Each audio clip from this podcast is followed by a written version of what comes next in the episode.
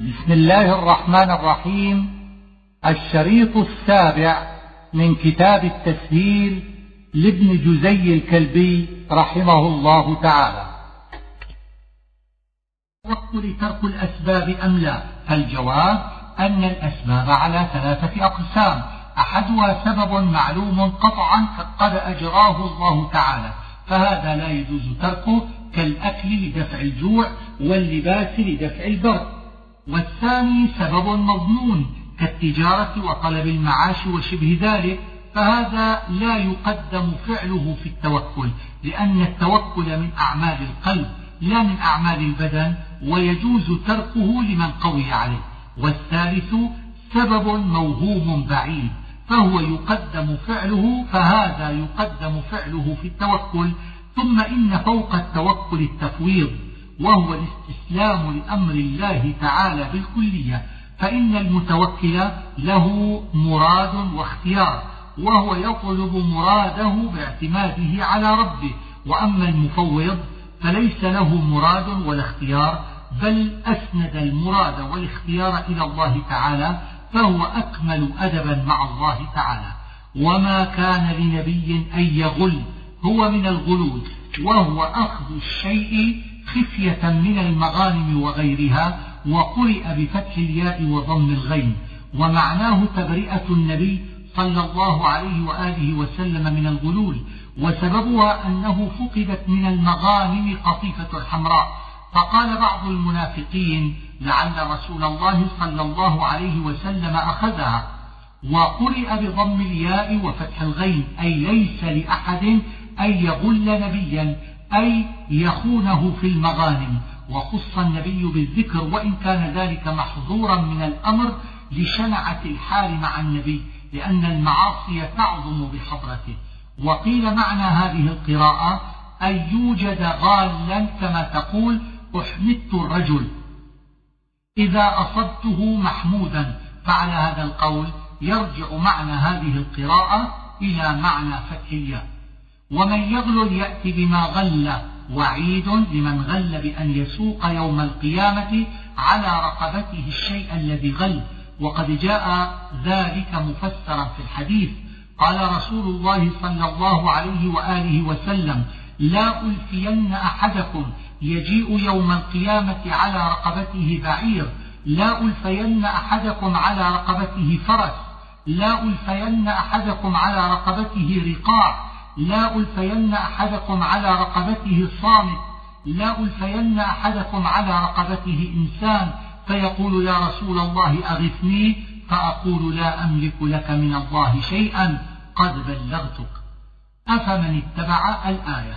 فقيل إن الذي اتبع رضوان الله من لم يغلل والذي باء بالسخط من غل.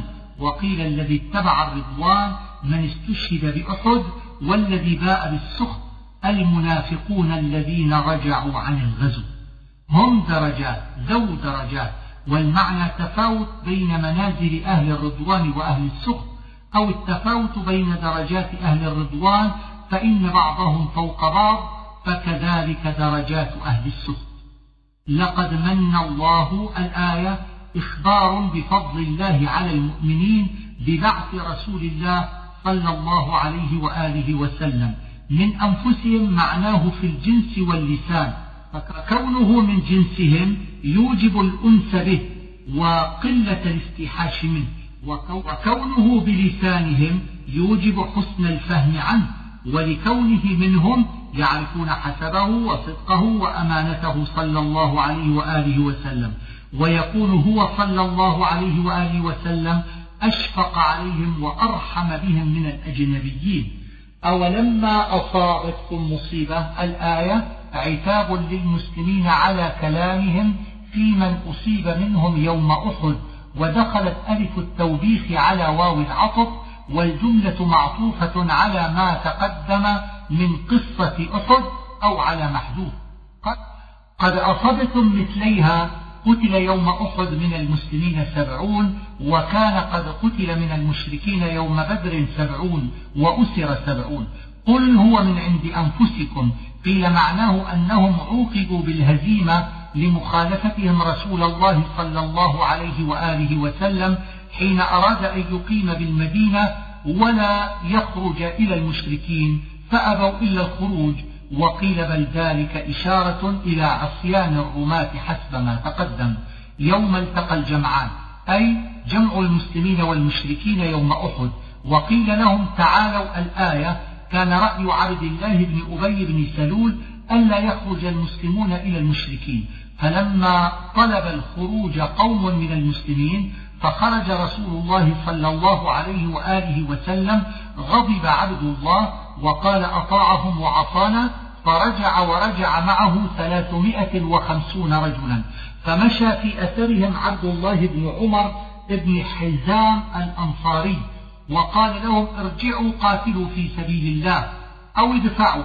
فقال له عبد الله بن أبي ما أرى أن يكون قتال؟ لو علمنا أنه يكون قتال لكنا معكم. أو ادفعوا أي كثروا السواد وإن لم تقاتلوا. الذين قالوا بدل من الذين نافقوا أو لإخوانهم في النسب لأنهم كانوا من الأوس والخزرج. قل فادرؤوا أي ادفعوا المعنى رد عليهم. بل أحياء إعلام بأن حال الشهداء حال الأحياء من التمتع بأرزاق الجنة بخلاف سائر الأموات من المؤمنين فإنهم لا يتمتعون بالأرزاق حتى يدخلوا الجنة يوم القيامة. يستبشرون كرر ليذكر ما تعلق به من النعمة والفضل. الذين استجابوا صفة للمؤمنين أو مبتدأ وخبره للذين أحسنوا الآية. ونزلت في الذين خرجوا مع رسول الله صلى الله عليه وسلم في اتباع المشركين بعد غزوة أحد. فبلغ بهم إلى حمراء الأسد وهي على ثمانية أميال من المدينة وأقام بها ثلاثة أيام وكانوا قد أصابتهم جراحات وشدائد فتجلدوا وخرجوا فمدحهم الله بذلك.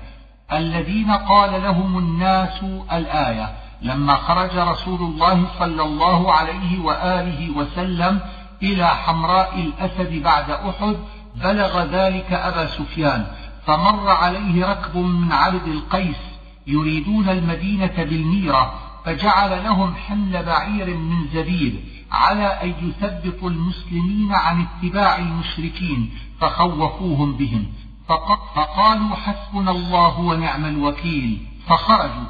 فالناس الأول ركب عبد القيس والناس الثاني مشرك قريش. وقيل نادى أبو سفيان يوم أحد موعدنا ببدر في القابل. فقال رسول الله صلى الله عليه وآله وسلم إن شاء الله. فلما كان العام القابل خرج رسول الله صلى الله عليه وآله وسلم إلى بدر للميعاد. فأرسل أبو سفيان نعيم بن مسعود الأشجعي ليثبط المسلمين. فعلى هذا الناس الأول نعيم وإنما قيل له الناس وهو واحد لأنه من جنس الناس.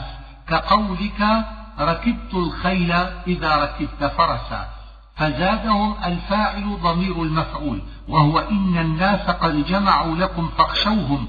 والصحيح أن الإيمان يزيد وينقص فمعناه هنا قوة يقينهم وثقتهم بالله. حسبنا الله ونعم الوكيل. كلمة يدفع بها ما يخاف ويكره. وهي التي قالها إبراهيم عليه السلام حين ألقي في النار ومعنى حسبنا الله كافينا وحده فلا نخاف غيره ومعنى ونعم الوكيل ثناء على الله وأنه خير من يتوكل العبد عليه ويلجأ إليه. فانقلبوا أي رجعوا بنعمة السلامة وفضل الأجر واتبعوا رضوان الله بخروجهم مع رسول الله صلى الله عليه وآله وسلم. ذلكم الشيطان. المراد به هنا أبو سفيان أو نعيم الذي أرسله أبو سفيان أو إبليس. وذلكم مبتدأ والشيطان خبره وما بعده مستأنف أو الشيطان نعت وما بعده خبر. يخوف أولياءه أي يخوفكم أيها المؤمنون. أولياءه وهم الكفار. فالمفعول الأول محذوف ويدل عليه قوله فلا تخافوهم. وقرأ ابن مسعود وابن عباس يخوفكم أولياءه وقيل المعنى يخوف المنافقين وهم أولياؤه من كفار قريش. فالمفعول الثاني على هذا محذوف. ولا يحزنك تسلية للنبي صلى الله عليه وآله وسلم. وقرئ بفتح الياء وضم الزاي حيث وقع مضارعا من حزن الثاني وهو أشهر من اللغة من أحزن. الذين يسارعون في الكفر أي يبادرون إلى أقواله وأفعاله وهم المنافقون والكفار. إن الذين اشتروا الآية هم المذكورون قبل أو على العموم في جميع الكفار. أنما نملي لهم خير أي نمهلهم أن مفعول يحسبن وما اسم أن فحقها أن تكتب منفصلة وخير خبر. إنما نملي لهم ما هنا كافة والمعنى رد عليهم أي إن الإملاء لهم ليس خيرا لهم إنما هو استدراج ليكتسبوا الإثم ما كان الله ليذر المؤمنين الآية خطاب للمؤمنين. والمعنى ما كان الله ليدع المؤمنين مختلطين بالمنافقين ولكنه ميز هؤلاء من هؤلاء بما ظهر في غزوة أحد من الأقوال والأفعال التي تدل على الإيمان أو على النفاق. وما كان الله ليطلعكم على الغيب. أي ما كان الله ليطلعكم على ما في القلوب من الإيمان والنفاق أو ما كان الله ليطلعكم على أنكم تغلبون أو تغلبون. ولكن الله يجتبي أي يختار من رسله من يشاء فيطلعهم على ما شاء من غيره. الذين يبخلون يمنعون الزكاة وغيرها هو خيرا هو فضل وخيرا مفعول ثاني والأول محذوف تقديره لا يحسبن البخل خيرا لهم سيطوقون أي يلزمون إثم ما بخلوا به. وقيل يجعل ما بخلوا به حية يطوقها في عنقه يوم القيامة. لقد سمع الله الآية لما نزلت من ذا الذي يقرض الله قال بعض اليهود وهو فنحاص أو حيي بن أخطب أو غيرهما إنما يستقرض الفقير من الغني فالله فقير ونحن أغنياء فنزلت هذه الآية وكان ذلك القول منهم اعتراضا على القرآن أوجبه قلة فهمهم أو تحريفهم للمعاني فإن كانوا قالوه باعتقاد فهو كفر وإن قالوه بغير اعتقاد فهو استخفاف وعناد. نكتب ما قالوا أي تكتبه الملائكة في الصحف وقتلهم الأنبياء أي قتل آبائهم للأنبياء وأسند إليهم لأنهم راضون به ومتبعون لمن فعله من آبائهم. الذين قالوا صفة للذين وليس صفة للعبيد. حتى تأتينا بقربان كانوا إذا أرادوا أن يعرفوا قبول الله لصدقة أو غيرها جعلوه في مكان فتنزل نار من السماء فتحرقه. وإن لم تنزل فليس بمقبول. فزعموا أن الله جعل لهم ذلك علامة على صدق الرسل. قل قد جاءكم رسل الآية رد عليهم بأن الرسل قد جاءتهم بمعجزات توجب الإيمان بهم. وجاءوهم أيضا بالقربان الذي تأكله النار ومع ذلك كذبوهم وقتلوهم فذلك يدل على أن كفرهم عناد فإنهم كذبوا في قولهم إن الله عهد إلينا. فإن كذبوك فقد كذب. الآية تسلية للنبي صلى الله عليه وآله وسلم بالتأسي بغيره فمن زحزح أي نحشي وأبعد. لتبلون الآية خطاب للمسلمين والبلاء في الأنفس بالموت والأمراض وفي الأموال بالمصائب والإنفاق. ولتسمعن الآية. سببها قول اليهود إن الله فقير وسبهم للنبي صلى الله عليه وآله وسلم وللمسلمين. لتبيننه للناس ولا تكتمونه. قال ابن عباس هي لليهود أخذ عليهم العهد في أمر محمد صلى الله عليه وآله وسلم فكتموه وهي عامة في كل من علمه الله علما. الذين يفرحون بما أتوا الآية قال ابن عباس نزلت في أهل الكتاب. سألهم النبي صلى الله عليه وآله وسلم عن شيء فكتموه إياه وأخبروه بغيره. فخرجوا وقد أروه أن قد أخبروه بما سألهم عنه واستحمدوا إليه بذلك وفرحوا بما أوتوا من كتمانهم إياه ما سألهم عنه. وقال أبو سعيد الخدري نزلت في المنافقين كانوا إذا خرج النبي صلى الله عليه وآله وسلم إلى الغزو وتخلفوا عنه وفرحوا بمقعدهم خلاف رسول الله وإذا قدم النبي صلى الله عليه وآله وسلم اعتذروا إليه وأحبوا أن يحمدوا بما لم يفعلوا. فلا تحسبنهم بالتاء وفتح الباء. خطاب للنبي صلى الله عليه وآله وسلم وبالياء وضم الباء. أسند الفعل للذين يفرحون أي لا يحسبون أنفسهم بمفازة من العذاب. ومن قرأ تحسبن بالتاء فهو خطاب للنبي صلى الله عليه وسلم والذين يفرحون مفعول به وبمفازة المفعول الثاني وكرر فلا تحسبنهم للتأكيد ومن قرأ لا يحسبن بالياء من أسفل فإنه حذف المفعولين لدلالة مفعولي لا تحسبنهم عليهما واختلاف الليل والنهار ذكر في البقرة قياما وقعودا وعلى جنوبهم أي يذكرون الله على كل حال فكأن هذه الهيئات حصر لحال بني آدم. وقيل إن ذلك في الصلاة يصلون قياما فإن لم يستطيعوا صلوا قعودا فإن لم يستطيعوا صلوا على جنوبهم. ربنا أي يقولون ربنا ما خلقت هذا لغير فائدة بل خلقته وخلقت البشر لينظروا فيه فيعرفونك. سمعنا مناديا هو النبي صلى الله عليه وآله وسلم ما وعدتنا على رسلك أي على ألسنة رسلك من ذكر وأنثى من لبيان الجنس وقيل زائدة لتقدم النفي. بعضكم من بعض النساء والرجال سواء في الأجور والخيرات وأخرجوا من ديارهم هم المهاجرون آذاهم المشركون بمكة حتى خرجوا منها. ثوابا منصوب على المصدرية لا يغرنك الآية تسلية للنبي صلى الله عليه وآله وسلم. أي لا تظنوا أن حال الكفار في الدنيا دائمة فتهتموا لذلك. وأنزل لا يغرنك منزلة لا يحزنك. متاع قليل أي تقلبهم في الدنيا قليل بالنظر إلى ما فاتهم في الآخرة. نزلا منصوب على الحال من جنات أو على المصدرية للأبرار جمع بار وبر ومعناه العاملون بالبر وهي غاية التقوى والعمل الصالح.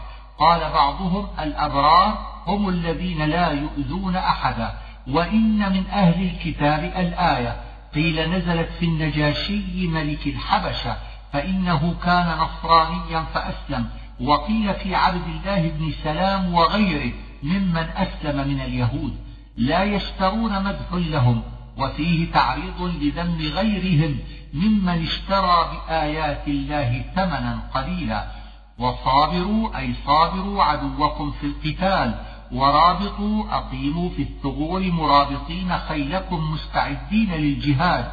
وقيل هو مرابطة العبد فيما بينه وبين الله أي معاهدته على فعل الطاعة وترك المعصية والأول أظهر. قال صل قال صلى الله عليه وآله وسلم رباط يوم في سبيل الله خير من صيام شهر وقيامه. وأما قوله في انتظار الصلاة فذلكم الرباط فهو تشبيه بالرباط في سبيل الله لعظم أجره. والمرابط عند الفقهاء هو الذي يسكن الثغور فيرابط فيها وهي غير موطنة. فأما سكانها دائما بأهلهم ومعايشهم فليسوا مرابطين ولكنهم حماة حكاه ابن عطية. سورة النساء. يا أيها الناس اتقوا ربكم. خطاب على العموم. وقد تكلمنا على التقوى في أول البقرة. من نفس واحدة هو آدم عليه السلام. زوجها هي حواء خلقت من ضلع آدم وبث نشر تساءلون أن يقول بعضكم لبعض أسألك بالله أن تفعل كذا. والأرحام بالنصب عطفا على اسم الله أي اتقوا الأرحام فلا تقطعوها أو على موضع الجار والمجرور وهو به لأن موضعه نصب. وقرئ بالخفض عطف على الضمير في به وهو ضعيف عند البصريين لأن الضمير المخفوض لا يعطف عليه إلا بإعادة الخافض. إن الله كان عليكم رقيبا.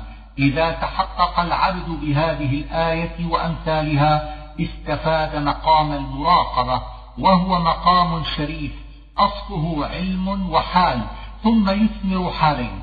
أما العلم فهو معرفة العبد لأن الله مطلع عليه ناظر إليه يرى جميع أعماله ويسمع جميع أقواله ويعلم كل ما يخطر على باله. وأما الحال فهي ملازمة هذا العلم للقلب بحيث يغلب عليه ولا يغفل عنه ولا يكفي العلم دون هذه الحال. فإذا حصل العلم والحال كانت ثمرتها عند أصحاب اليمين الحياء من الله وهو يوجب بالضرورة ترك المعاصي والجد في الطاعات وكانت ثمرتها عند المقربين الشهادة التي توجب التعظيم والإجلال لذي الجلال.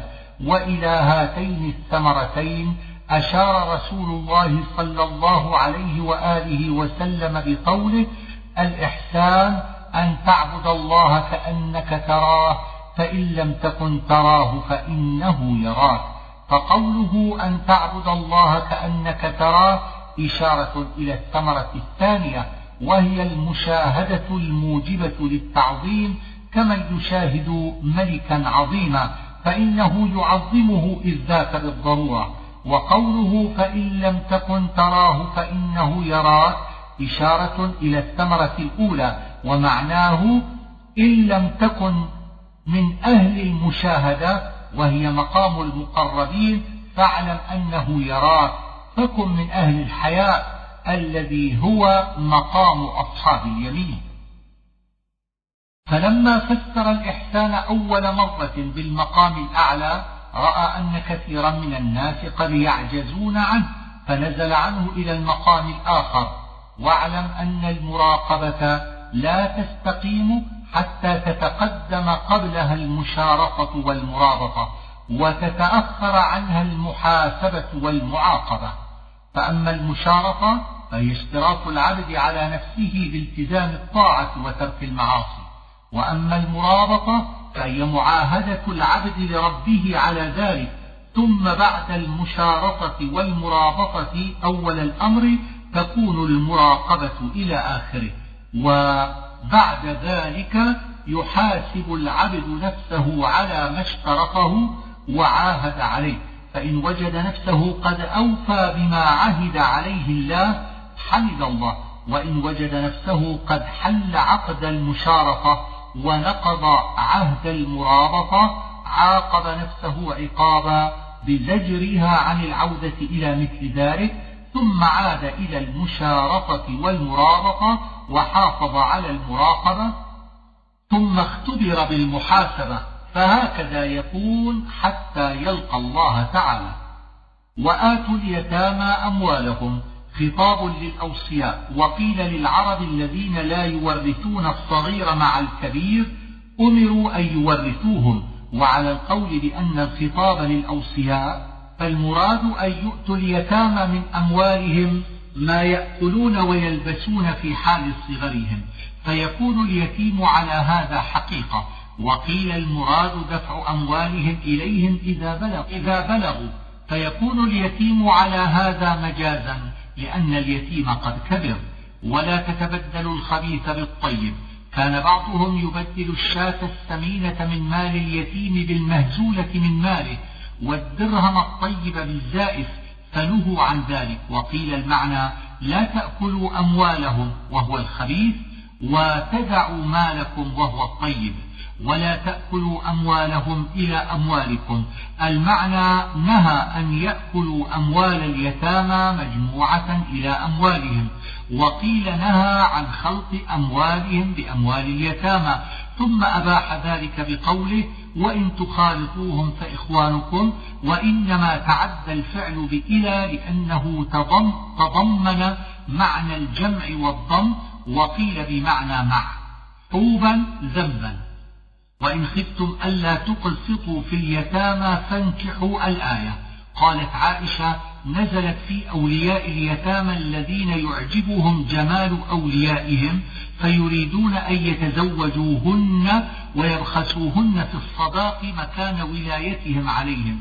فقيل لهم أقسطوا في مهورهن فمن خاف ألا يقسط فليتزوج بما طاب له من الأجنبيات اللاتي يوفيهن حقوقهن.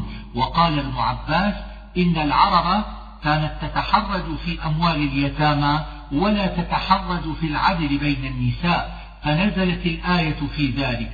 أي كما تخافون ألا تقسطوا في اليتامى كذلك خافوا النساء. وقيل إن الرجل منهم كان يتزوج العشرة أو أكثر فإذا ضاق ماله أخذ من مال اليتيم. فقيل لهم إن خفتم ألا تقسطوا في اليتامى في النساء على ما طاب أي ما حل وإنما قال ما ولم يقل من؟ لأنه أراد الجنس. وقال الزمخشري لأن الإناث من العقلاء يجري مجرى غير العقلاء. ومنه قوله وما ملكت أيمانكم. مثنى وثلاث ورباع. لا ينصرف. للعدل والوسط. وهي حال من ما طاب. وقال ابن عطية بدل. وهي عدوله عن أعداد مكررة ومعنى التكرار فيها أن الخطاب لجماعة فيجوز لكل واحد منهم أن ينكح ما أراد من تلك الأعداد فتكررت الأعداد بتكرار الناس. والمعنى انكحوا اثنين أو ثلاثا أو أربعا وفي ذلك منع لما كان في الجاهلية من تزوج ما زاد على الأربع. وقال قوم لا, لا يعبأ بقولهم إنه يجوز الجمع بين تسع لأن مثنى وثلاث ورباع يجمع فيه تسعة وهذا خطأ لأن المراد التخيير بين تلك الأعداد لا الجمع. ولو أراد الجمع لقال تسع ولم يعدل عن ذلك إلى ما هو أطول منه وأقل بيانا. وأيضا قد انعقد الإجماع على تحريم ما زاد على الرابعة. فواحدة أي إن خفتم ألا تعدلوا بين الاثنين أو الثلاث أو الأربع فاقتصروا على واحدة أو على ما ملكت أيمانكم من قليل أو كثير رغبة في العدول وانتصاب واحدة بفعل مضمر تقديره فانكحوا واحدة. ذلك أدنى ألا تعولوا. الإشارة إلى الاقتصار على الواحدة والمعنى أن ذلك أقرب إلى ألا تعولوا ومعنى تعولوا تميلوا وقيل يكثر عيالكم.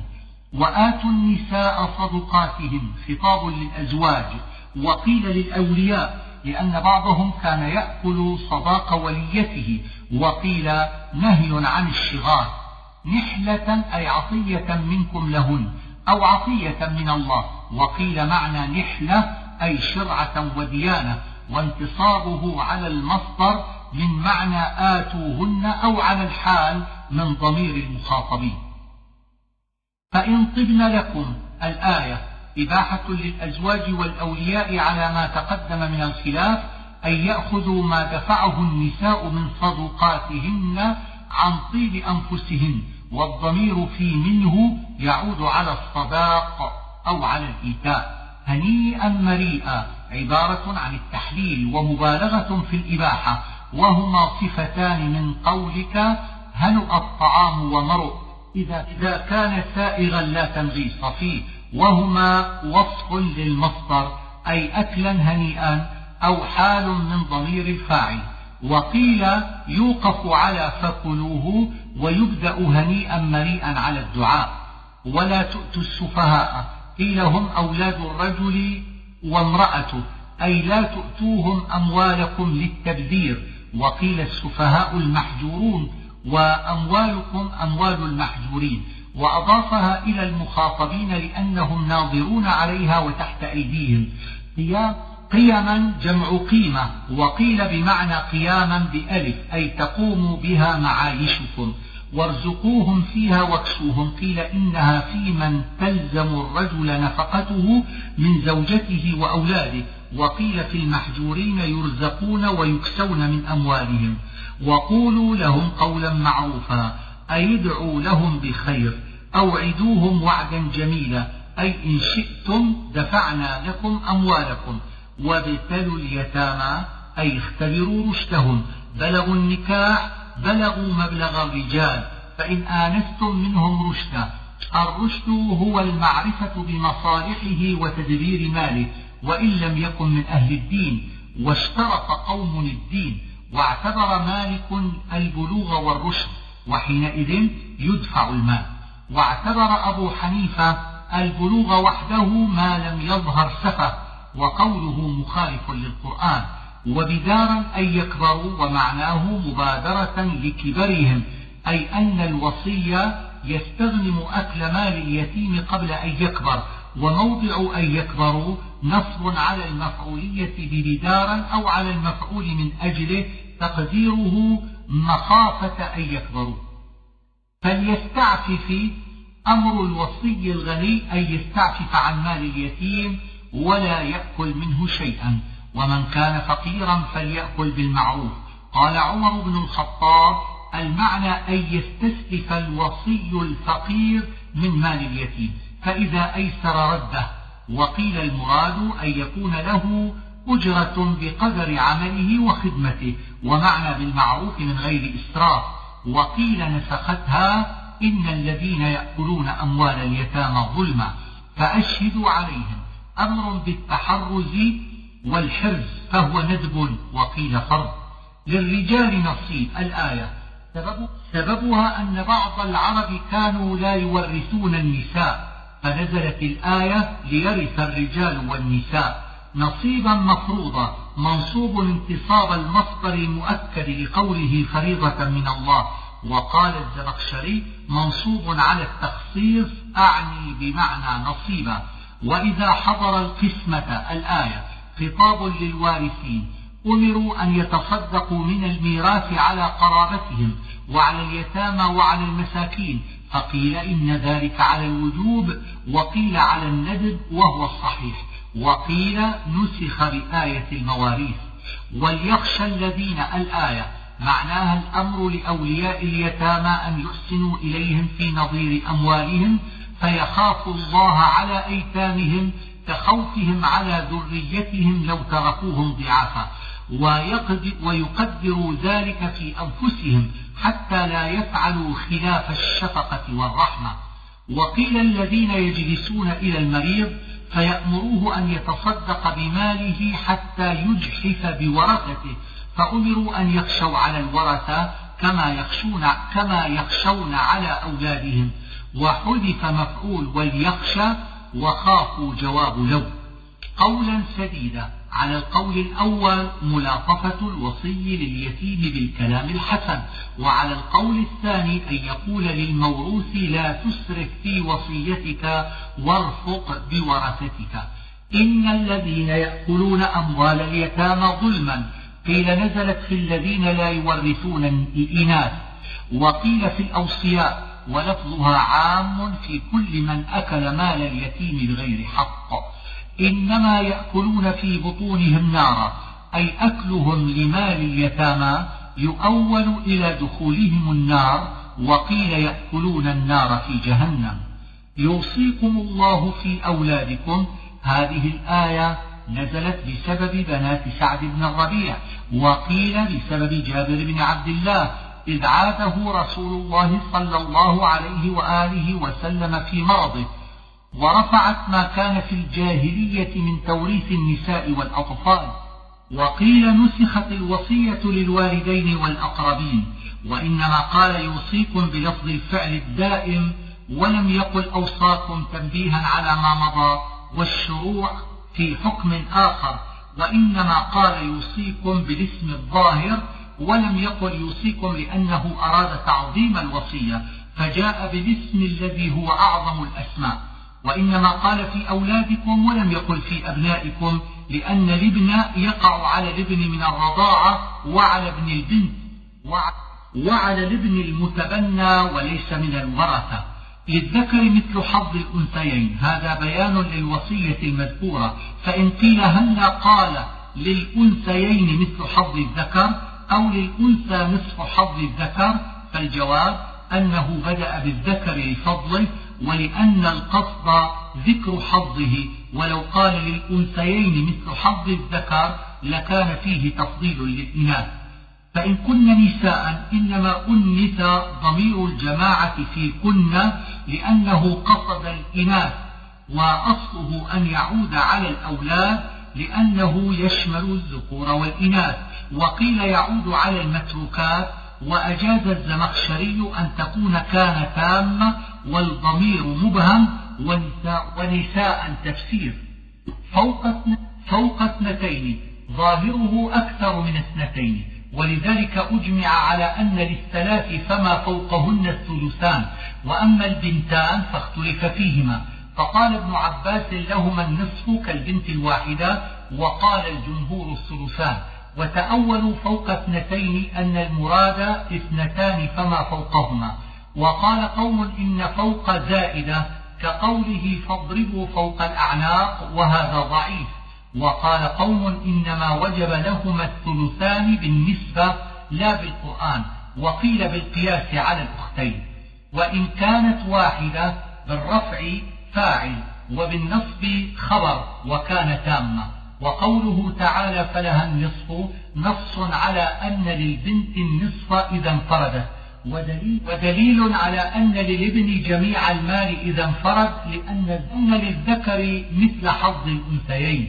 إن كان له ولد الولد يقع على الذكر والأنثى والواحد والاثنين والجماعة سواء كان للصلب أو ولد ابن. وكلهم يرد الأبوين إلى السدس. وورثه أبواه فلأمه الثلث.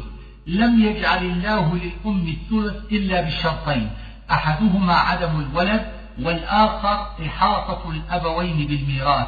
ولذلك دخلت الواو لعطف أحد الشرطين على الآخر وسكت عن حظ الأب استغناء بمفهومه لأنه لا يبقى بعد الثلث إلا الثلثان ولا وارث إلا الأبوان. فاقتضى ذلك أن الأب يأخذ بقية المال وهو الثلثان فإن كان له إخوة فلأمه السدس. أجمع العلماء على أن ثلاثة من الإخوة يردون الأم إلى السدس واختلفوا في الاثنين. فذهب الجمهور أنهما يردانها إلى السدس ومذهب ابن عباس أنهما لا يردانها إليه. بل هما كالأخ الواحد وحجته أن لفظ الإخوة لا يقع على اثنين. لا يقع على الاثنين لأنه جمع لا تثنية وأقل الجمع ثلاثة. وقال غيره إن لفظ الجمع قد يقع على الاثنين كقوله وكنا لحكمهم شاهدين وتسوروا المحراب وأطراف النهار واحتجوا بقوله صلى الله عليه وآله وسلم الإثنان فما فوقهما جماعة. وقال مالك مضت السنة أن الإخوة اثنان فصاعدا ومذهبه أن أقل الجمع اثنان فعلى هذا يحجب الأبوان من الثلث إلى السدس سواء كانا شقيقتين أو لأب أو لأم أو مختلفين وسواء كانا ذكرين أو أنثيين أو ذكر أو أنثى فإن كان معهما أب ورث بقية المال ولم يكن للإخوة شيء عند الجمهور فهم يحجبون الأم ولا يرثون. وقال قوم يأخذون السدس الذي حجبوه عن الأم وإن لم يكن أب ورثوا. من بعد وصية يوصي بها أو دين. قوله من بعد يتعلق بالاستقرار المضمر في قوله فلهن ثلث ما ترك. أي استقر لهن الثلثان من بعد وصية. ويمتنع أن يتعلق بترك. وفاعل يوصي الميت وإنما قدمت الوصية على الدين والدين مقدم عليها في الشريعة اهتماما بها وتأكيدا للأمر بها ولئلا يتهاون بها. وأخر الدين لأن صاحبه يتقاضاه فلا يحتاج إلى تأكيد في الأمر بإخراجه. وتخرج الوصية من الثلث والدين من رأس المال بعد الكفن. وإنما ذكر الوصية والدين نكرتين ليدل على أنهما قد يكونان وقد لا يكونان فدل ذلك على وجوب الوصية. أقرب لكم نفعا قيل بالإنفاق إذا احتيج إليه وقيل بالشفاعة في الآخرة ويحتمل أن يريد نفعا بالميراث من ماله وهو أليق بسياق الكلام. ولكم نصف ما ترك أزواجكم الآية. خطاب للرجال.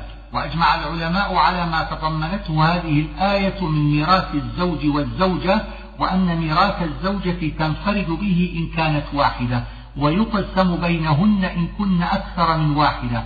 ولا ينقص عن ميراث الزوج والزوجة وسائر السهام إلا ما نقصه العول على مذهب جمهور العلماء خلافا لابن عباس.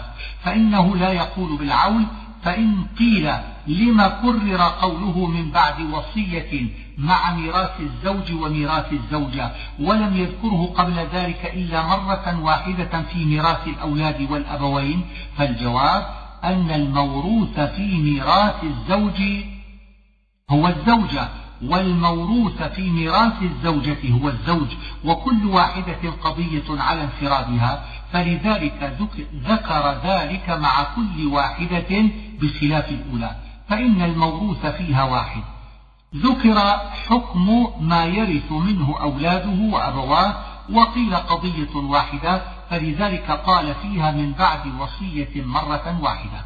وإن كان رجل يورث كلالة الكلالة هي انقطاع عمود النسب وهو خلو الميت عن ولد ووالد ويحتمل أن تطلق هنا على الميت الموروث أو على الورثة أو على القرابة أو على المال بأن كانت على الميت فإعرابها خبر كان ويورث في موضع الصفة أو يورث خبر كان وكلالة حال من الضمير في يورث أو تكون كان تامة ويورث في موضع الصفة وكلالة حال من الضمير.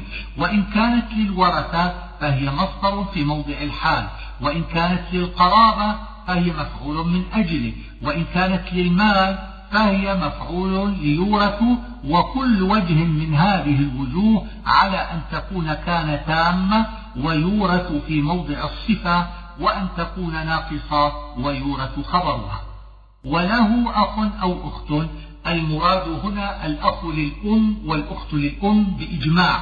وقرأ سعد بن أبي وقاص وله أخ أو أخت لأمه وذلك تفسير للمعنى. فلكل واحد منهما السدس. أي إن كان الأخ للأم واحد فله السدس. وكذلك إذا كانت الأخت للأم واحدة فهم شركاء في الثلث. إذا كان الإخوة للأم اثنين فصاعدا فلهما الثلث بالسواء بين الذكر والأنثى.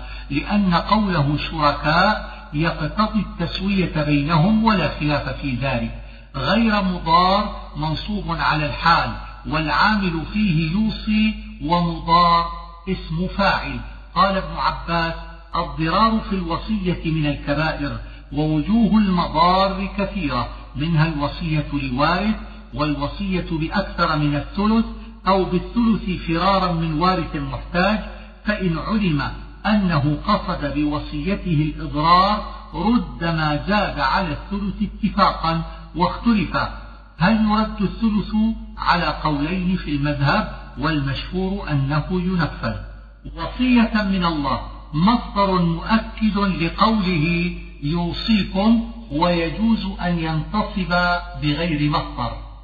تلك حدود الله. إشارة إلى ما تقدم من المواريث وغيرها ومن يعص الله ورسوله الآية تعلق بها المعتزلة في قولهم إن العصاة من المؤمنين يخلدون في النار وتأولها الأشعرية على أنها في الكفار. يأتينا الفاحشات هي هنا الزنا من نسائكم أو من المسلمات لأن المسلمة تحد حد الزنا وأما الكافر أو الكافرة فاختلف هل يحد أو يعاقب فاستشهدوا عليهن أربعة منكم. قيل إنما جعل شهداء الزنا أربعة تغليظا على المدعي وسترا على العباد وقيل ليكون شاهدان على كل واحد من الزانيين. فأمسكوهن في البيوت. كانت عقوبة الزنا الإمساك في البيوت. ثم نسخ ذلك بالأذى المذكور بعد ذلك وهو السب والتوبيخ وقيل الإمساك للنساء والأذى للرجال فلا نفخ بينهما ورجحه ابن عطية بقوله في الإمساك من نسائكم وفي الأذى منكم. ثم نسخ الإمساك والأذى بالرجم للمحصن وبالجلد لغير المحصن واستقر الأمر على ذلك. وأما الجلد فمذكورة في سورة النور.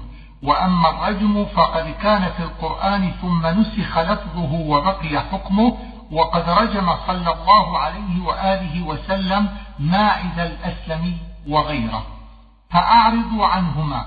لما أمر بالأذى للزاني أمر بالإعراض عنه إذا تاب وهو ترك الأذى. إنما التوبة على الله. أي إنما يقبل الله توبة من كان على هذه الصفة. وإذا, وإذا تاب العبد توبة صحيحة بشروطها فيقطع بقبول الله لتوبته عند جمهور العلماء. وقال أبو المعالي يغلب ذلك على الظن ولا يقطع به. يعملون السوء بجهالة أي بسفاهة وقلة تحصيل أداة إلى المعصية. وليس المعنى أنه يجهل أن ذلك الفعل يكون معصية. قال أبو العالية أجمع الصحابة على أن كل معصية فهي جهالة سواء كانت عمدا أو جهلا ثم يتوبون من قريب. قيل قبل المرض والموت وقيل قبل السياق ومعاينته الملائكة. وفي هذا قال رسول الله صلى الله عليه وآله وسلم إن الله يقبل توبة العبد ما لم يغرر وليست التوبة الآية. في الذين يصرون على الذنوب إلى حين لا تقبل التوبة وهو معاينة الموت. فإن كانوا كفارا فهم مخلدون في النار بإجماع وإن كانوا مسلمين فهم في مشيئة الله إن شاء عذبهم وإن شاء غفر لهم. فقوله أعتدنا لهم عذابا أليما ثابت في حق الكفار ومنسوخ في حق العصاة من المسلمين بقوله إن الله لا يغفر أن يشرك به ويغفر ما دون ذلك لمن يشاء فعذابهم مقيد بالمشيئة. لا يحل لكم أن ترثوا النساء. قال ابن عباس كانوا في الجاهلية إذا مات الرجل كان أولياؤه أحق بامرأته. إن شاءوا تزوجها أحدهم وإن شاءوا زوجوها من غيرهم وإن شاءوا منعوها التزوج فنزلت الآية في ذلك. فمعنى الآية على هذا لا يحل لكم أن تجعلوا النساء يورثن عن الرجال كما يورث المال. وقيل الخطاب للأزواج الذين يمسكون المرأة في العصمة ليرثوا مالها من غير غبطة بها. وقيل الخطاب للأولياء الذين يمنعون ولياتهم من التزوج ليرثوهن دون الزوج ولا تعضلوهن. معطوف على أن ترثوا أو نهي والعضل المنع. قال ابن عباس هي أيضا في أولياء الزوج الذين يمنعون زوجته من التزوج بعد موته إلا أن قوله ما آتيتموهن على هذا معناه ما آتاها الرجل الذي مات. وقال ابن عباس هي في الأزواج الذين يمسكون المرأة ويسيئون عشرتها حتى تفتدي بصداقها وهو ظاهر اللفظ في قوله آتيتموهن ويقويه قوله وعاشروهن بالمعروف. فإن الأظهر فيه أن يكون في الأزواج وقد يكون في غيرهم وقيل هي للأولياء إلا أن يأتين بفاحشة مبينة. قيل الفاحشة هنا الزنا وقيل نشوز المرأة وبغضها في زوجها. فإذا نشزت جاز له أن يأخذ ما آتاها من صداق أو غير ذلك من مالها. وهذا جائز على مذهب مالك في الخلع إذا كان الضرر من المرأة والزنا أصعب على الزوج من النشوز فيجوز له أخذ الفدية. فإن كرهتموهن الآية معناها إن كرهتم النساء لوجه فاصبروا عليه فعسى أن يجعل الله الخير في وجه آخر. وقيل الخير الكثير الولد والأحسن العموم وهذا معنى قوله صلى الله عليه وآله وسلم لا يترك مؤمن مؤمنة. إن سخط, إن سخط منها خلقا رضي آخر. وإن أردتم استبدال زوج الآية. معناها المنع من أن يأخذ الرجل من المرأة فدية على الطلاق إن أراد أن يبدلها بأخرى. وعلى هذا جرى مذهب مالك وغيره في المنع من الفدية إذا كان الضرر وأرادت الفراق من الزوج. فقال قوم إن هذه الآية منسوخة بقوله في البقرة فلا جناح عليهما فيما افتدت به. وقال قوم هي ناسخة والصحيح أنها غير ناسخة ولا منسوخة. فإن جواز الفدية وجه ومنعها على وجه فلا تعارض ولا نسخ.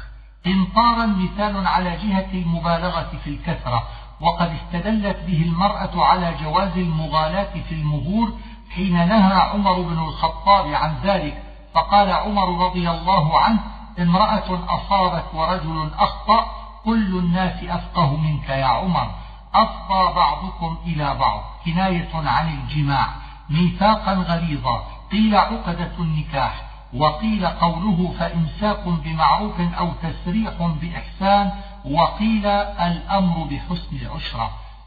ولا تنكحوا ما نكح آباؤكم من النساء. كان بعض العرب يتزوج امرأة أبيه بعده فنزلت الآية تحريما لذلك. فكل امرأة تزوجها رجل حرمت على أولاده ما سفلوا سواء دخل بها أو لم يدخل. فالنكاح في الآية بمعنى العقد. وما نكح يعني النساء وإنما أطلق عليهن ما وإن كن ممن يعقل. لأن المراد الجنس فإن زنى رجل بامرأة فاختلف هل يحرم تزوجها على أولاده أم لا؟ فحرمه أبو حنيفة وأجازه الشافعي وفي المذهب قولان واحتج من حرمه بهذه الآية وحمل النكاح فيها على الوطأ وقال من أجازه إن الآية لا تتناوله إذ النكاح فيها بمعنى العقد. إلا ما قد سلف أي إلا ما فعلتم في الجاهلية من ذلك وانقطع بالإسلام فقد عفي عنه فلا تؤاخذون به. ويدل على هذا قوله إن الله كان غفورا رحيما بعد قوله إلا ما قد سلف في المرأة الأخرى في الجمع بين الأختين. قال ابن عباس كانت العرب تحرم كل ما حرمته الشريعة إلا امرأة الأب والجمع بين الأختين. وقيل المعنى إلا ما قد سلف فانكحوه إن أمكنكم وذلك غير ممكن. فالمعنى المبالغة في التحريم. إن إنه كان فاحشة ومقتا. كان في هذه الآية تقتضي الدوام كقوله إن الله كان غفورا رحيما وشبه ذلك. وقال المبرد هي زائدة. وذلك خطأ لوجود خبرها منصوبا. وزاد هذا المقت على ما وصف من الزنا في قوله تعالى إنه كان فاحشة ومقتا. وساء سبيلا دلالة على أن هذا أقبح من الزنا. حرمت عليكم الآية. معناها تحريم ما ذكر من النساء. المحرمات على التأبيد ثلاثة أصناف بالنسب وبالرضاع وبالمصاهرة. فأما النسب فيحرم به سبعة أصناف وهي المذكورة في هذه الآية وضابطها أنه يحرم على الرجل فصوله ما سفلت وأصوله ما علت وفصول أبويه ما سفلت وأول فصل من كل أصل متقدم على أبويه. أمهاتكم يدخل فيه الوالدة والجدة من قبل الأم ما علون. وبناتكم يدخل فيه البنت وبنت الابن وبنت البنت ما سفلن وأخواتكم يدخل فيه الأخت الشقيقة أو لأب أو لأم وعماتكم يدخل فيه أخت الوالد وأخت الجد ما على سواء كانت شقيقة أو لأب أو لأم وخالاتكم يدخل فيه أخت الأم وأخت الجد ما علت سواء كانت شقيقة أو لأب أو لأم وبنات الأخ يدخل فيه كل من تناسل من الأخ الشقيق أو لأب أو لأم. وبنات الأخت يدخل فيه كل ما تناسل من الأخت الشقيقة أو لأب أو لأم. وأمهاتكم اللاتي أرضعنكم وأخواتكم من الرضاعة. ذكر تعالى صنفين من الرضاعة. وهم الأم والأخت وقال رسول الله صلى الله عليه وآله وسلم يحرم من الرضاع ما يحرم من النسب فاقتضى ذلك تحريم الأصناف السبعة التي تحرم من النسب وهي الأم والبنت والأخت والعمة والخالة وبنت الأخ وبنت الأخت. وتفصيل ذلك يقول وفي الرضاع مسائل لم نذكرها لأنها ليست لها تعلق بألفاظ الآية.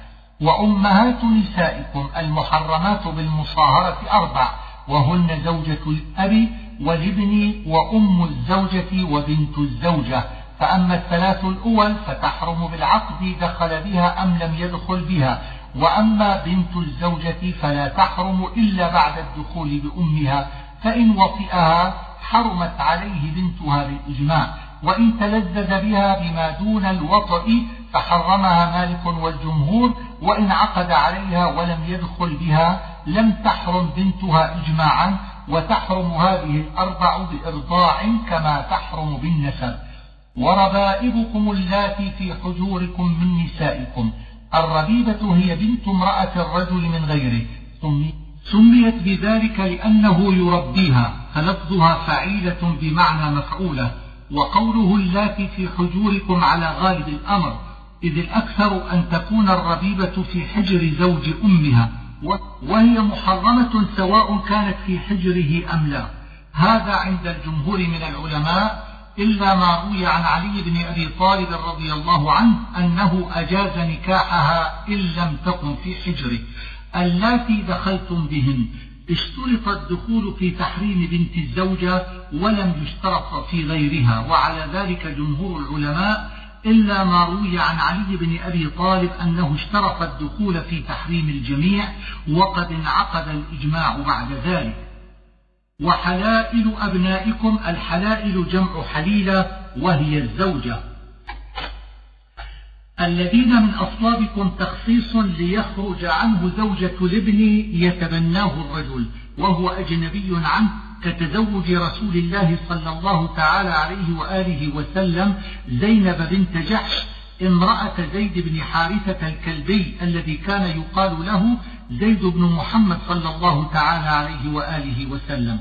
وأن تجمعوا بين الأختين يقتضي تحريم الجمع بين الأختين سواء كانتا شقيقتين أو لأب أو لأم وذلك في الزوجين. وأما الجمع بين الأختين المملوكتين في الوطء فمنعه مالك والشافعي وأبو حنيفة وغيرهم ورأوا أنه داخل في عموم لفظ الأختين وأجازه الظاهرية لأنهم قصروا الآية على الجمع بالنكاح وأما الجمع بين الأختين في الملك دون وطئ فجائز باتفاق. إلا ما قد استلف المعنى إلا ما فعلتم من ذلك في الجاهلية وانقطع بالإسلام فقد عفي عنكم فلا تؤاخذون به. وهذا أرجح الأقوال حسب ما تقدم في الوضع الأول والمحصنات من النساء.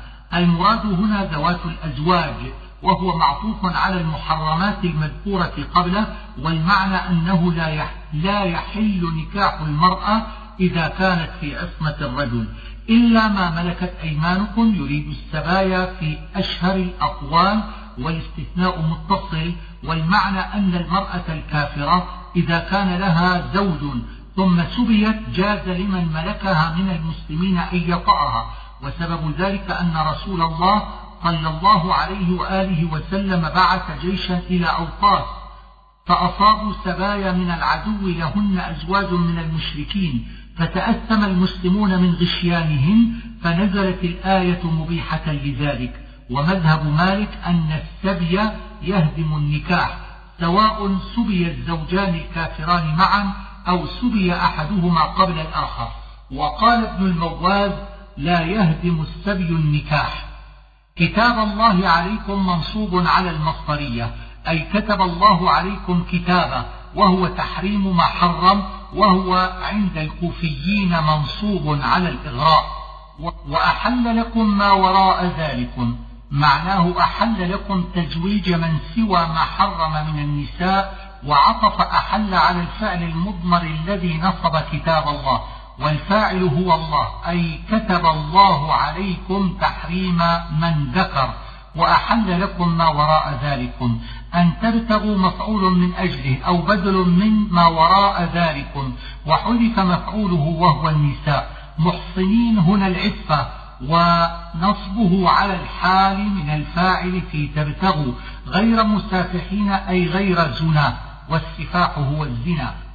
فما استمتعتم به منهن فآتوهن أجورهن فريضة. قال ابن عباس وغيره معناه إذا استمتعتم بالزوجة ووقع الوطء فقد وجب إعطاء الأجر وهو الصداق كاملا. وقيل إنها في نكاح المتعة وهو النكاح إلى أجل من غير ميراث وكان جائزا في أول الإسلام فنزلت هذه الآية في وجوب الصداق فيه. ثم حرم عند جمهور العلماء. فالآية على هذا منسوخة بالخبر الثابت في تحريم نكاح المتعة وقيل نسختها آية الفرائض لأن نكاح المتعة لا ميراث فيه. وقيل نسختها والذين هم لفروجهم حافظون. وروي, وروي عن ابن عباس جواز نكاح المتعة وروي أنه رجع عنه. ولا جناح عليكم فيما تراضيتم به. من قال إن الآية في نكاح المتعة فمعنى هذا جواز ما يتراضون به من زيادة في مدة المتعة وزيادة في الأجر. ومن لم يستطع منكم طولا أن ينكح المحصنات المؤمنات فمما ملكت أيمانكم من فتياتكم المؤمنات. معناها إباحة تزويج الفتيات وهن الإماء للرجل إذا لم يجد طولا للمحصنات. والطول, الطول هنا السعة في المال والمحصنات هنا يراد بهن الحرائر غير المملوكات. ومذهب مالك وأكثر أصحابه أنه لا يجوز للحر نكاح أمة إلا بشرطين. أحدهما عدم الطول وهو ألا يجد ما يتزوج به حرة والآخر خوف العنة وهو الزنا. لقوله, لقوله بعد هذا ذلك لمن خشي العنة منكم.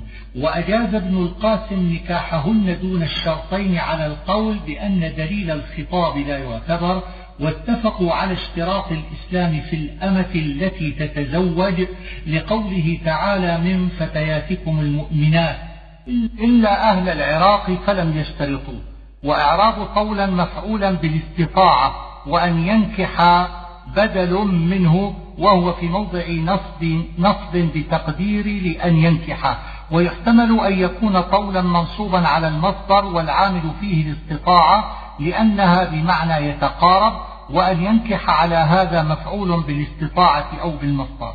والله أعلم بإيمانكم. معناه أنه يعلم بواطن الأمور ولكم ظواهرها. فإذا كانت الأمة ظاهرة الإيمان فنكاحها صحيح وعلم باطنها إلى الله.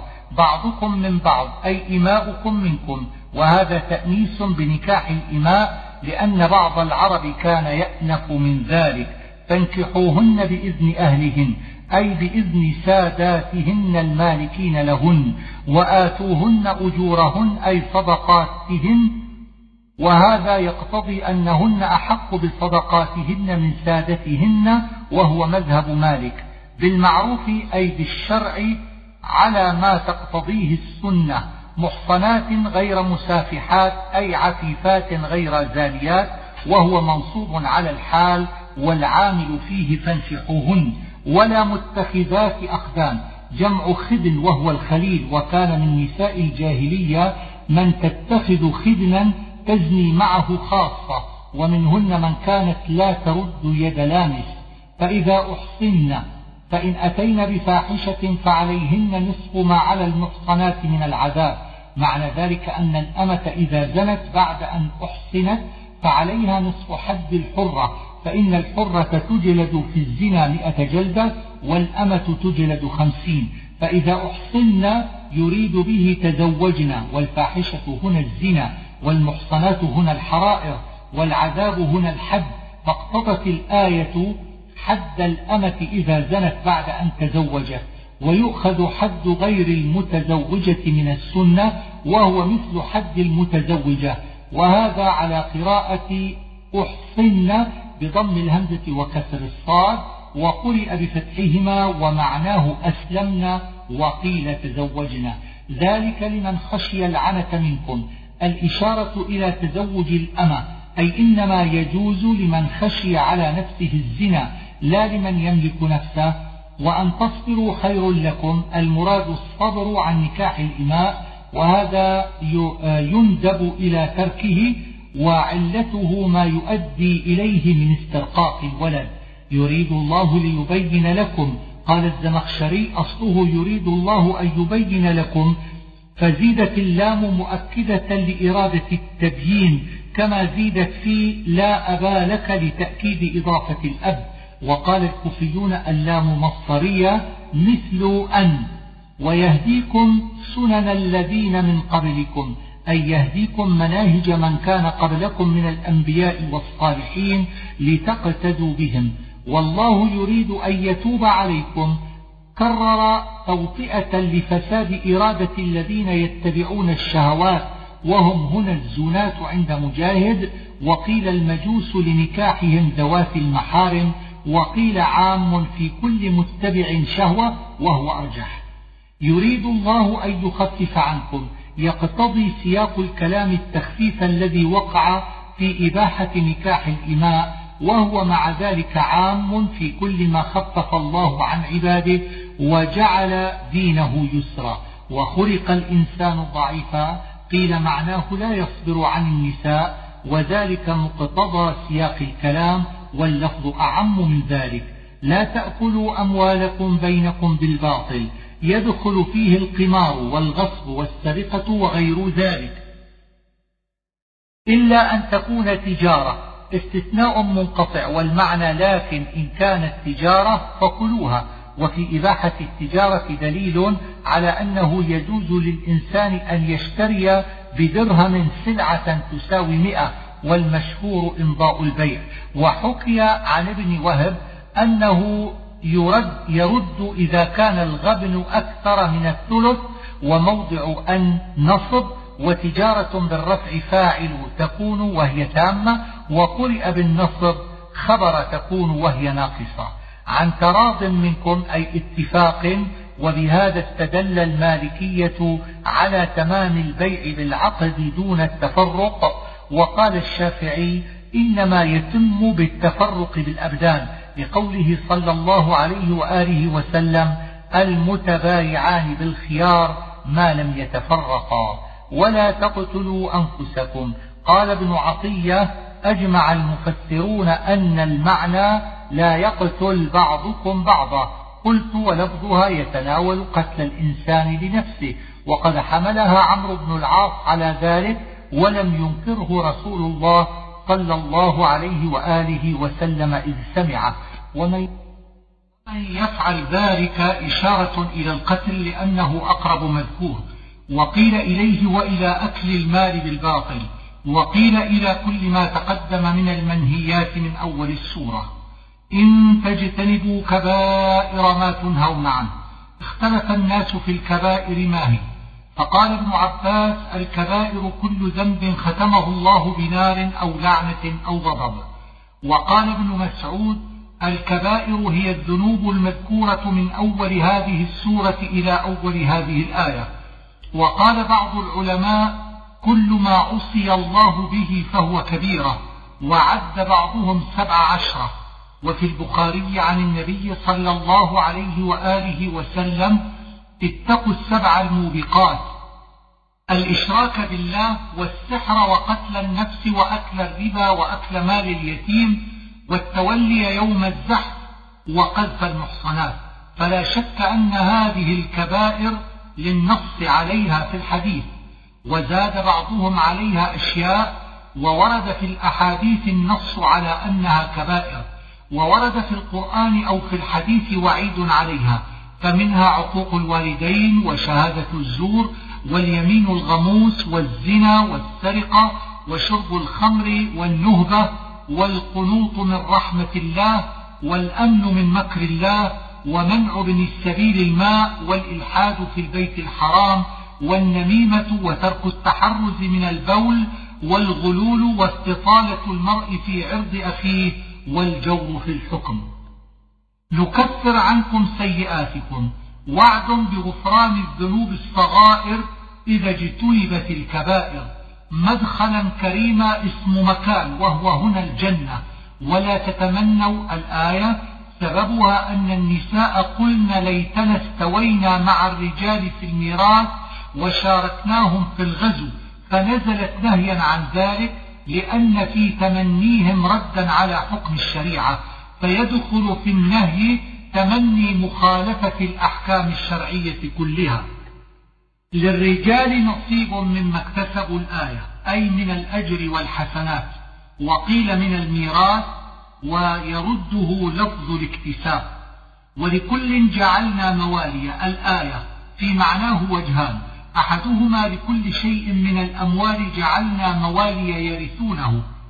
فمما ترك على هذا بيان لكل والآخر لكل أحد جعلنا موالي يرثون مما ترك الوالدان والأقربون فمما ترك على هذا يتعلق بفعل مضمر والموالي هنا الورثة والعصبة. والذين عقدت أيمانكم فآتوهم نصيبهم. اختلف هل هي منسوخة أو محكمة. فالذين قالوا إنها منسوخة قالوا معناها الميراث بالحلف الذي كان في الجاهلية. وقيل بالمؤاخاة التي آخى رسول الله صلى الله تعالى عليه وآله وسلم بين أصحابه. ثم نسخها وأولو الأرحام بعضهم أولى ببعض فصار الميراث للأقارب. والذين قالوا إنها محكمة اختلفوا. فقال ابن عباس هي في المؤازرة والنصر بالحلف لا الميراث به. وقال أبو حنيفة هي في الميراث. وأن الرجلين إذا والى أحدهما الآخر على أن يتوارثا صح ذلك وإن لم تكن بينهما قرابة. الرجال قوامون على النساء. قوام بناء مبالغة من القيام على الشيء والاستبداد بالنظر فيه. قال ابن عباس الرجال أمراء على النساء. بما فضل الله الباء للتعليل وما مصدرية والتفضيل بالإمامة والجهاد وملك الطلاق وكمال العقل وغير ذلك وبما أنفقوا هو الصداق والنفقة المستمرة فالصالحات قانتات أي النساء الصالحات في دينهن مطيعات لأزواجهن أو مطيعة لله في حق أزواجهن حافظات للغيب أي تحفظ كل ما غاب عن علم زوجها فيدخل في ذلك صيانة نفسها وحفظ ماله وبيته وحفظ أسراره. بما حفظ الله أي بحفظ الله ورعايته أو بأمره للنساء أي يطعن الزوج ويحفظنه فما مصدرية أو بمعنى الذي.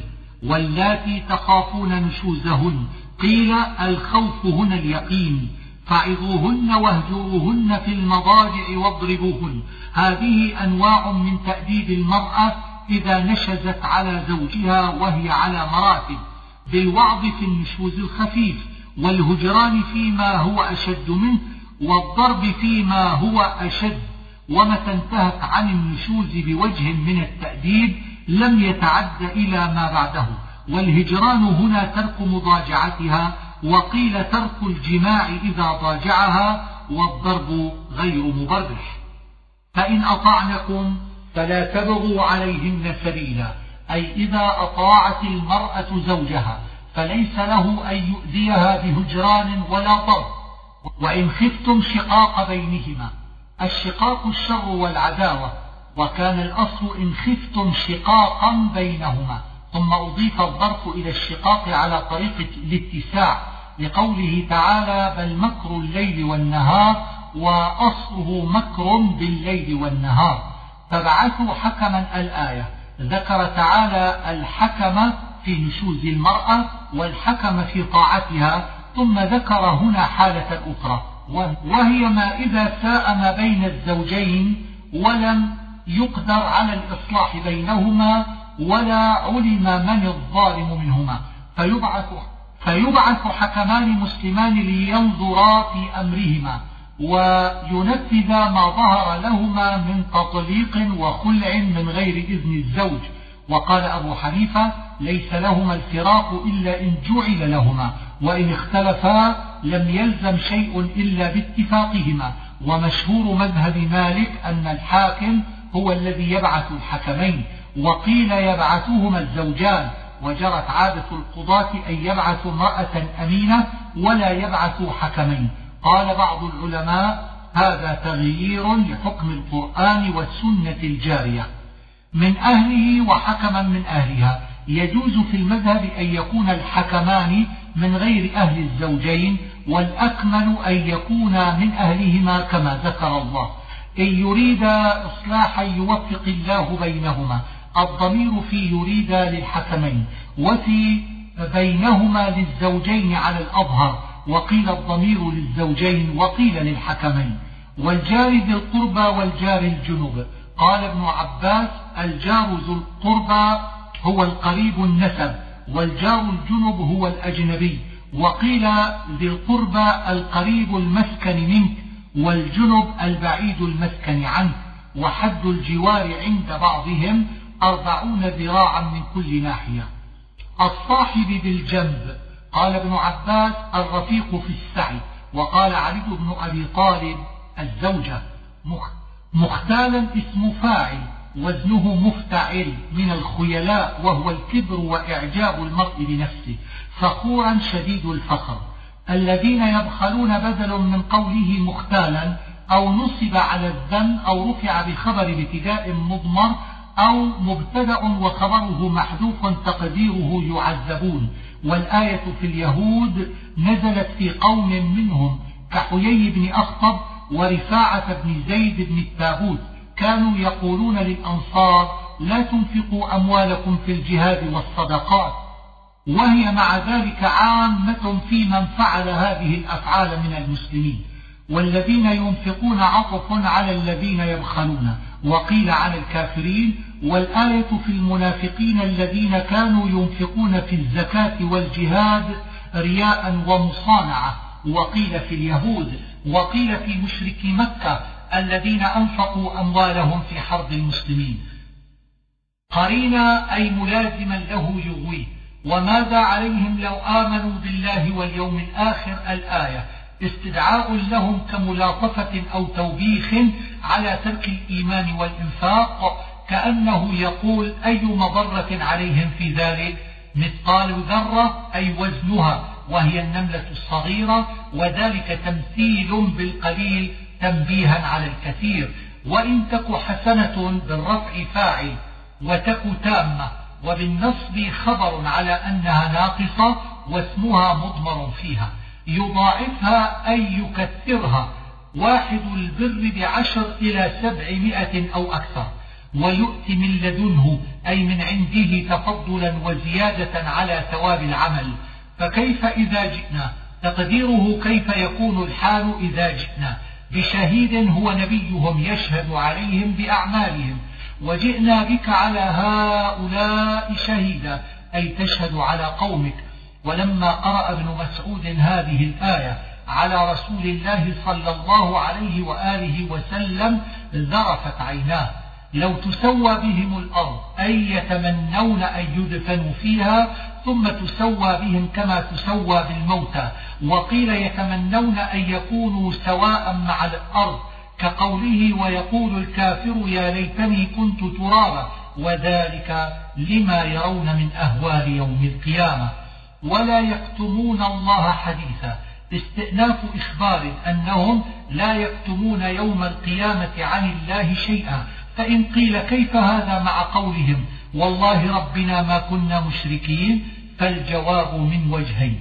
أحدهما أن الكتم لا ينفعهم لأنهم إذا كتموا تنطق جوارحهم فكأنهم لم يكتموا. والآخر أنهم طوائف مختلفة ولهم أوقات مختلفة. وقيل إن قوله ولا يكتمون عطف على تسوى أي يتمنون ألا يكتموا لأنهم إذا كتموا افتضحوا. لا تقربوا الصلاة وأنتم سكارى. سببها أن جماعة من الصحابة شربوا الخمر قبل تحريمها ثم قاموا إلى الصلاة وأمهم أحدهم فخلط في القراءة. فمعناها النهي عن الصلاة في حال السكر. قال بعض الناس هي منسوخة بتحريم الخمر وذلك لا يلزم لأنها ليس فيها ما يقتضي إباحة الخمر وإنما هي نهي عن الصلاة في حال السكر وذلك الحكم الثابت في حين إباحة الخمر وفي حين تحريمها. وقال بعضهم معناها لا يكن منكم سكر يمنع قرب الصلاة إذ المرء مأمور بالصلاة فكأنها تقتضي النهي عن السكر وعن سببه وهو الشرب وهذا بعيد عن مقتضى اللفظ. حتى تعلموا ما تقولون حتى تعود إليكم عقولكم فتعلموا ما تقرؤون. ويظهر, ويظهر من هذا أن السكران لا يعلم ما يقول. فأخذ بعض الناس من ذلك أن السكران لا يلزم طلاقه ولا إقراره. ولا جنبا إلا عابري سبيل عطف ولا جنبا على موضع وأنتم سكارى. إذ هو في موضع الحال والجنب هنا غير الطاهر بإنزال أو إيلاج وهو واقع على جماعة بدليل استثناء الجمع منه واختلف في عابر سبيل فقيل إنه المسافر. ومعنى الآية على هذا نهي أن يقرب الصلاة وهو جنب إلا في السفر فيصلي بالتيمم دون اغتسال. فمقتضى الآية إباحة التيمم للجنب في السفر ويؤخذ إباحة التيمم للجنب في الحضر من الحديث وقيل عابر السبيل المار في المسجد والصلاة هنا يراد بها المسجد لأنه موضع الصلاة فمعنى الآية على هذا النهي أن يقرب المسجد الجنب إلا خاطرا عليه وعلى هذا أخذ الشافعي بأنه يجوز للجنب أن يمر في المسجد ولا يجوز أن يقعد فيه ومنع مالك المرور والقعود وأجازهما داود. وإن كنتم مرضى أو على سفر الآية سببها عدم الصحابة الماء في غزوة المريسيع فأبيح لهم التيمم لعدم الماء. ثم إن عدم الماء على ثلاثة أوجه أحدها عدمه في السفر والثاني عدمه في المرض. فيجوز التيمم في هذين الوجهين بإجماع. لأن الآية نص في المرض والسفر إذا عدم الماء فيهما لقوله وإن كنتم مرضى أو على سفر. ثم قال فلم تجدوا ماء. الوجه الثالث عدم الماء في الحضر دون مرض فاختلف الفقهاء فيه. فمذهب أبي حنيفة أنه يجوز فيه التيمم لأن ظاهر الآية أن عدم الماء إنما يعتبر مع المرض أو السفر ومذهب مالك والشافعي أنه يجوز فيه التيمم. فإن قلنا إن الآية لا تقتضيه فيؤخذ جوازه من السنة وإن قلنا إن الآية تقتضيه فيؤخذ جوازه منها. وهذا هو الأرجح إن شاء الله. وذلك أنه ذكر في أول الآية المرض والسفر ثم ذكر الأحداث دون مرض ولا سفر ثم قال بعد ذلك كله فلم تجدوا ماء فيرجع قوله فلم تجدوا ماء إلى المرض وإلى السفر وإلى من أحدث في غير مرض ولا سفر. فيجوز التيمم على هذا لمن عدم الماء في غير مرض ولا سفر. فيكون في الآية حجة لمالك والشافعي ويجوز التيمم أيضا في مذهب مالك للمريض إذا وجد الماء ولم يقدر على استعماله لضرر بدنه. فإن قلنا إن الآية لا تقتضيه فيؤخذ جوازه من السنة. وإن قلنا إن الآية تقتضيه فيؤخذ جوازه منها على أن يتناول قوله إن كنتم مرضى أن معناه مرضى تقدرون على مس الماء. وحد المرض الذي يجوز فيه التيمم عند مالك هو أن يخاف الموت أو زيادة المرض أو تأخر البرء. وعند الشافعي خوف الموت لا غير. وحد السفر الغيبة عن الحضر سواء كان مما تقصر فيه الصلاة أم لا. أو جاء أحد منكم في أو هنا تأويلان. أحدهما أن تكون للتفصيل والتنويع على بابها والآخر أنها بمعنى الواو. فعلى القول بأنها على بابها يكون قوله فلم تجدوا ماء راجعا إلى المريض والمسافر وإلى من جاء من الغائط وإلى من لامس سواء كانا مريضين أو مسافرين.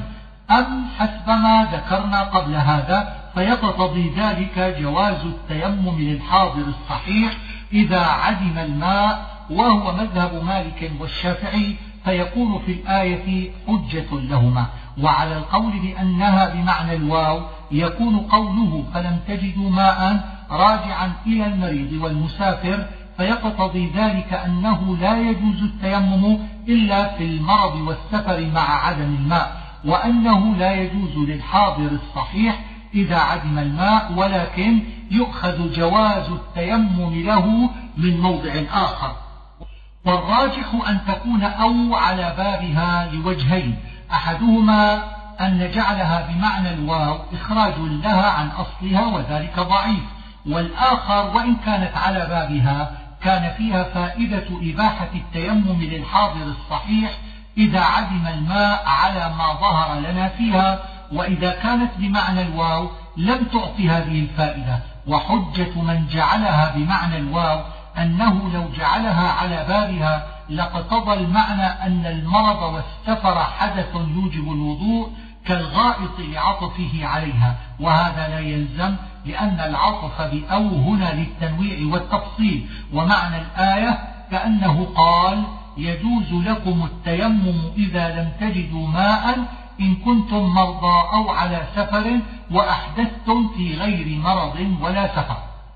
الغائط أصله المكان المنخفض وهو هنا كناية عن الحدث الخارج من المخرجين وهو العذرة والريح والبول لأن من ذهب إلى الغائط يكون منه هذه الأحداث الثلاث.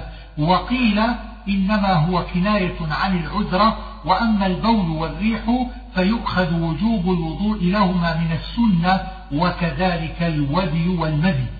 أو لامستم النساء. اختلف في المراد بالملامسة هنا على ثلاثة أقوال. أحدها أنها الجماع وما دونه من التقدير واللمس باليد وغيرها وهو قول مالك. فعلى هذا ينتقض الوضوء باللمس الذي هو دون الجماع على تفصيل في المذهب. ويجوز معه التيمم إذا علم الماء ويكون الجنب من أهل التيمم. والقول الثاني أنها ما دون الجماع فعلى هذا ينتقض الوضوء باللمس ولا يجوز التيمم للجنوب وقد قال بذلك عمر بن الخطاب ويؤخذ جوازه من الحديث. والثالث أنها الجماع فعلى هذا يجوز التيمم للجنوب ولا يكون ما دون الجماع ناقضا للوضوء وهو مذهب أبي حنيفة. فلم تجدوا ماء. هذا يفيد وجوب طلب الماء وهو مذهب مالك خلافا لأبي حنيفة فإن وجده بثمن فاختلف هل يجوز له التيمم أم لا وإن وهب له فاختلف هل يلزم قبوله أم لا. فتيمموا. التيمم في اللغة القصد وفي الفقه الطهارة بالتراب وهو منقول من المعنى اللغوي. صعيدا طيبا. الصعيد عند مالك هو وجه الأرض. كان ترابا أو رملا أو حجارة. فأجاز التيمم بذلك كله وهو عند الشافعي التراب لا غير. والطيب هنا الطاهر. واختلف في التيمم بالمعادن. كالذهب وبالملح وبالتراب المنقول كالمجعول في طبق وبالآجر وبالجقس المطبوخ وبالجدار وبالنبات الذي على وجه الأرض وذلك كله على الاختلاف في معنى الصعيد. فامسحوا بوجوهكم وأيديكم. لا يكون التيمم إلا في هذين العضوين ويقدم الوجه على اليدين لظاهر الآية. وذلك على الندب عند مالك. ويستوعب الوجه بالمسح وأما اليدان فاختلف هل يمسحهما إلى الكوعين أو إلى المرفقين؟ ولفظ الآية محتمل لأنه لم يحد وقد احتج من قال إلى المرفقين بأن هذا مطلق فيحمل على المقيد وهو تحديدها في الوضوء بالمرفقين الذين أوتوا نصيبا من الكتاب هم اليهود هنا وفي الموضع الثاني. قال السهيلي فالموضع الأول نزل في رفاعة بن زيد بن التابوت وفي الثاني نزل في كعب بن الأشرف. يشترون الضلالة عبارة عن إيثارهم الكفر على الإيمان. فالشراء مجاز كقوله اشتروا الضلالة بالهدى وفي تكرار قوله كفى بالله مبالغة. من الذين هادوا من راجعة إلى الذين أوتوا نصيبا أو إلى أعدائكم فهي بيان. وقال الفارسي هي ابتداء كلام تقديره من الذين هادوا قوم وقيل هي متعلقة بنصيرا على قول الفارسي. يحرفون الكلمة يحتمل تحريف اللفظ أو المعنى وقيل الكلم هنا التوراة. وقيل كلام النبي صلى الله عليه وآله وسلم غير مسمع معناه لا سمعت. راعنا ذكر في البقرة سمعنا وأطعنا عوض من قولهم سمعنا وعصينا واسمع عوض من قولهم اسمع غير مسمع وانظرنا عوض من قولهم راعنا وهو النظر أو الانتظار. فهذه الأشياء الثلاثة في مقابلة الأشياء الثلاثة التي ذمهم على قولها لما فيها من سوء الأدب مع رسول الله صلى الله عليه وسلم وأخبر أنهم لو قالوا هذه الثلاثة الأخر عوضا عن تلك لكان خيرا لهم فإن هذه ليس فيها سوء أدب. مصدقا ذكر في البقرة. النظم وجوها قال ابن عباس قمصها أن تزال العيون منها وترد في القفا. فيكون ذلك ردا على الدبر. وقيل طمسها محو تخطيط صورها من أنف أو عين أو حاجب حتى تصير كالأدبار في خلوها عن الحواس. أو نلعنهم أي نمسخهم كما مسخ أصحاب السبت. وقد ذكر في البقرة. أو يكون من اللعن المعروف والضمير يعود على الوجوه والمراد أصحابها أو على الذين أوتوا الكتاب على الالتفاف إن الله لا يغفر أن يشرك به ويغفر ما دون ذلك لمن يشاء. هذه الآية هي الحاكمة في مسألة الوعيد وهي المبينة لما تعارض فيها من الآيات وهي الحجة لأهل السنة والقاطعة بالخوارج والمعتزلة والمرجئة. وذلك أن مذهب السنة أن العصاة من المؤمنين في مشيئة الله. إن شاء عذبهم وإن شاء غفر لهم. وحجتهم هذه الآية فإنها